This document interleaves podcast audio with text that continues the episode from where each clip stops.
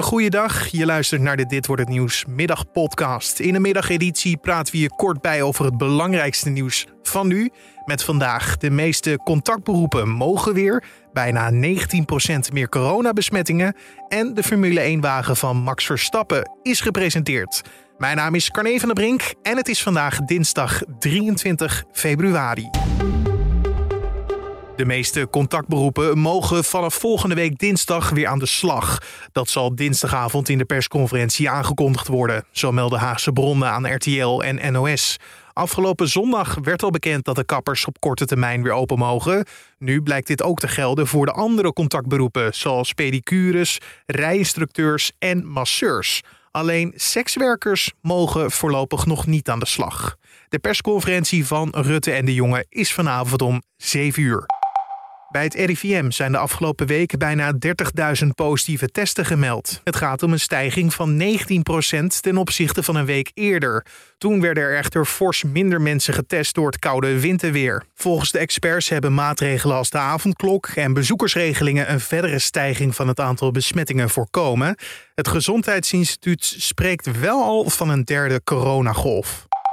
Er worden steeds minder mensen positief getest in verpleeghuizen. Deze sterke daling is zichtbaar sinds de start van de vaccinatiecampagne. Dat blijkt uit cijfers van het Nationaal Corona Dashboard. Een dag nadat de eerste bewoners hun dosis toegediend kregen, waren op bijna 800 locaties besmettingen vastgesteld. Vijf weken later ging het nog maar om bijna de helft van de locaties. Ook het aantal sterfgevallen nam sterk af. De nieuwe auto van Max Verstappen is vandaag gepresenteerd. Daarmee gaat hij voor Red Bull Racing het nieuwe Formule 1 seizoen in. Red Bull is het eerste topteam dat de nieuwe auto laat zien.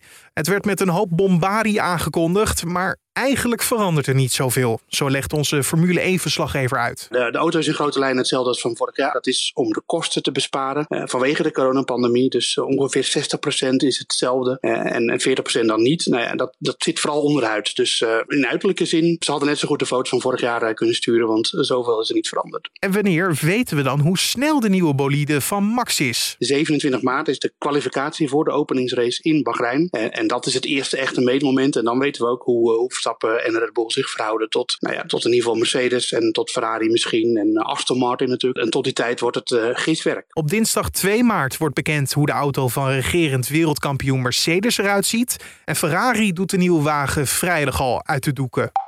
En vorig jaar klaagden mensen flink meer over pakketbezorgers, dat zegt de Consumentenbond. Die kregen 13.000 klachten, 4.000 meer dan een jaar eerder. Maar door de lockdown bestelden we ook meer. De meeste klachten gingen over niet aangekomen pakketjes en wie een bedrijf belt belandt in eindeloze keuzemenu's en staat lang in de wacht. En dan het weer van Weerplaza. Het was vandaag officieel de warmste 23 februari sinds het begin van de metingen. Er werd vandaag in de beeld 15,8 graden gemeten. En het is al de vierde dag op rij dat het 15 graden of meer is. En ook dat is een record.